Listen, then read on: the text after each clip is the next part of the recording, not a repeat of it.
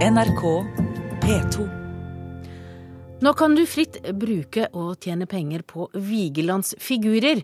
I går gikk nemlig opphavsretten til Sinnataggen, Monolitten og de andre kunstverkene til Gustav Vigeland ut. Og leder for eh, Vigelandsmuseet, Jarle Strømodden, er det fritt fram? Nei, det er ikke det. Um, Selv om det har gått 70 år? ja, opphavsretten er ute. Eh, Men det finnes en, en mulighet eh, i form av eh, en merkevarebeskytter, varemerkerett gjennom Patentstyret.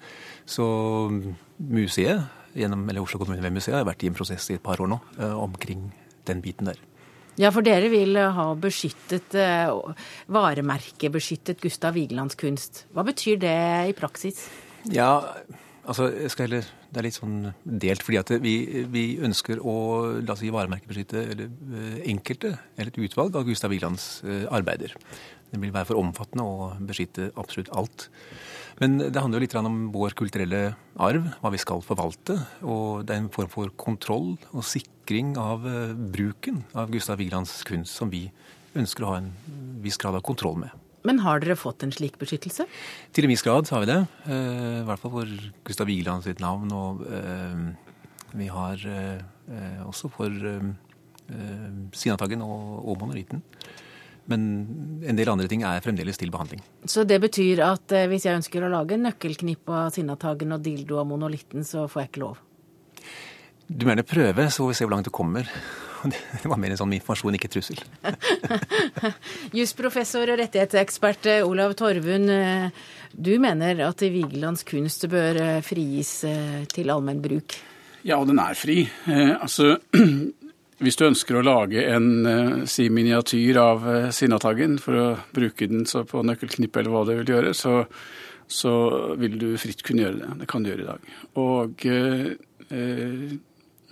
og om du vil gjengi et bilde av den så på et bokomslag, eller lage hva du vil lage av eh, monolitten, eh, så, så kan du gjøre det. Og varemerkebeskyttelsen gir nok ikke noe vern mot det. Det kan hende at du kan ikke markedsføre dette under navnet sånn Gustav Vigeland Suvenir eller et eller annet sånt, men hvis du lager en eh, si, du tar bilde av Sinnataggen, bruker det på postkort eller noe sånt, så må du kunne si at dette er et bilde av Gustav Vigelands statue Sinnataggen. Akkurat som NRK da jeg sjekket, så fant jeg at NRK vel 48 varemerker eller noe sånt på sine ulike kanaler og programmer.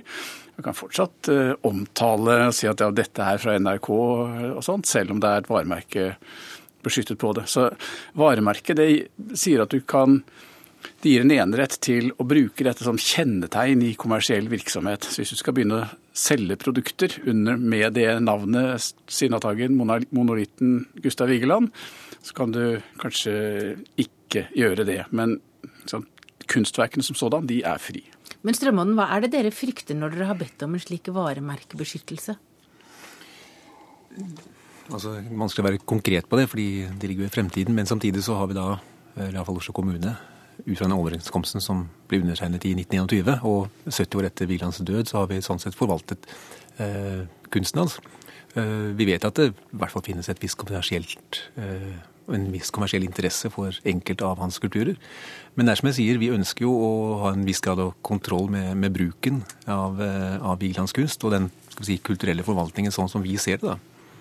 Men hva slags kontroll er dere nå da får, hvis dere får ja, Eller dere har jo fått varemerkebeskyttelse. Ja, Altså, du sier du vet ikke hvor langt jeg kommer hvis jeg prøver meg. Nei, men vi kan snu litt på Du har vel en anelse? Nei, la meg si det sånn, jeg kan ikke si noe om, eh, jeg har ingen forutsetning for å si noe om la oss si, det kommersielle potensialet her. Men vi kan snu litt på det, eh, hvis det er slik at eh, det burde være i det fri, fordi opphavsretten nå er, er ute. Så kan vi kan si at ja, vi er enig i det. Men samtidig så ligger det en mulighet for at man kan søke Patentstyret om å beskytte eller varemerke eh, eh, varemerkerettighet her.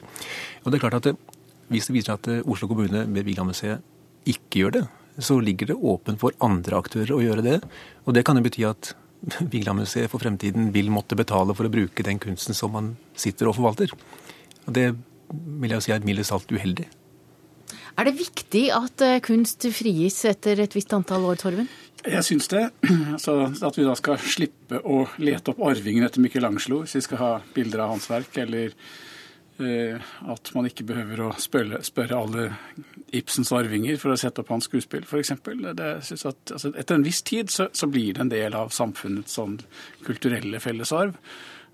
Og som man godt kan si skal utnyttes med respekt. Samtidig så tror jeg at, at disse verkene som det er interessant å utnytte, de tåler at man gjør ganske mye med dem. Så jeg, jeg syns ikke det er noen grunn til å bekymre seg for hva eh, andre, hva man vil gjøre med, med verkene, for det tror jeg. Altså, ja, hva, hva, tenker du om det museet gjør?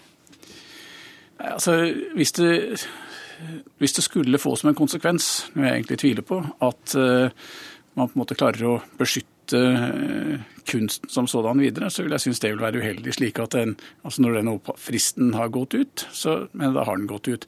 Men det er klart hvis det er slik at uh, man får en sånn form for defensiv registrering for å hindre at andre registrerer varemerker. Nidar sjokoladefabrikk har registrert Sinnataggen, hadde registrert i 1977. Så det er andre som har registrert for lenge siden. Uh, men uh, så kan det ha et poeng. altså så jeg husker en litt annen sak så, som eh, ble litt klønete håndtert. Så var det da, da Naturhistorisk museum eh, eh, ville varemerkeregistrere fossile Ida. Så var det litt sent ute, så noen andre hadde registrert det først. Og det, det, var kanskje litt dumt håndtert fra deres side. Slik at det å unngå å komme i den situasjonen, det er, klart det, det er et poeng at ikke man risikerer at uh, man ikke selv kan bruke navnet Gustav Vigeland bruker navnet på, på skulpturene. Og Det er vel ikke tvil om at det er et stort eh, kommersielt potensial i Gustav Vigelands kunst? Eh, det er det nok. Eh, det er, altså, akkurat som man selger masse sånn miniatyr Eiffeltårn i Paris. Jeg har ikke oversikt over Vigelandssuvenirene, men jeg går ut fra at det finnes en god del.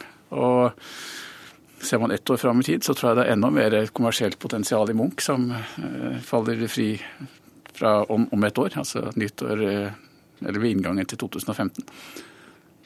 Men eh, Strømodden, eh, som da sitter på Gustav Vigelands museum og nå eh, ser at det slippes fri, har dere opplevd stor interesse? Har dere fått henvendelser? Nei, veldig få konkrete henvendelser så langt. Men som jeg sa, vi, vi vet at det er et, et ønske og en interesse fra enkelte aktører. Det, det er helt klart. Og det eneste dere kan gjøre, er å søke om eh, varemerkebeskyttelse. Det har dere gjort? Ja, det holder vi på med, og det kommer vi til å fortsette med. Og vi vil gjerne ha det, så klart. Men det blir jo spennende å se da, hva som skjer. Ikke ja, sant, Torvund? Jo, det, det gjør det. Å se hva slags konsekvenser det får. For uh, som sagt, jeg tror at kunsten som sådan, den er fri. Og det er også i tillegg at hvis du skal opprettholde varemerkeregistreringen, så må du ta den i bruk for de produktene du vil ha i løpet av fem år, ellers så forsvinner den. Takk til deg, jusprofessor og rettighetsekspert Olav Torvund, og også takk til deg, leder ved Vigelandsmuseet, Jarle Strømodden. Hør flere podkaster på nrk.no podkast.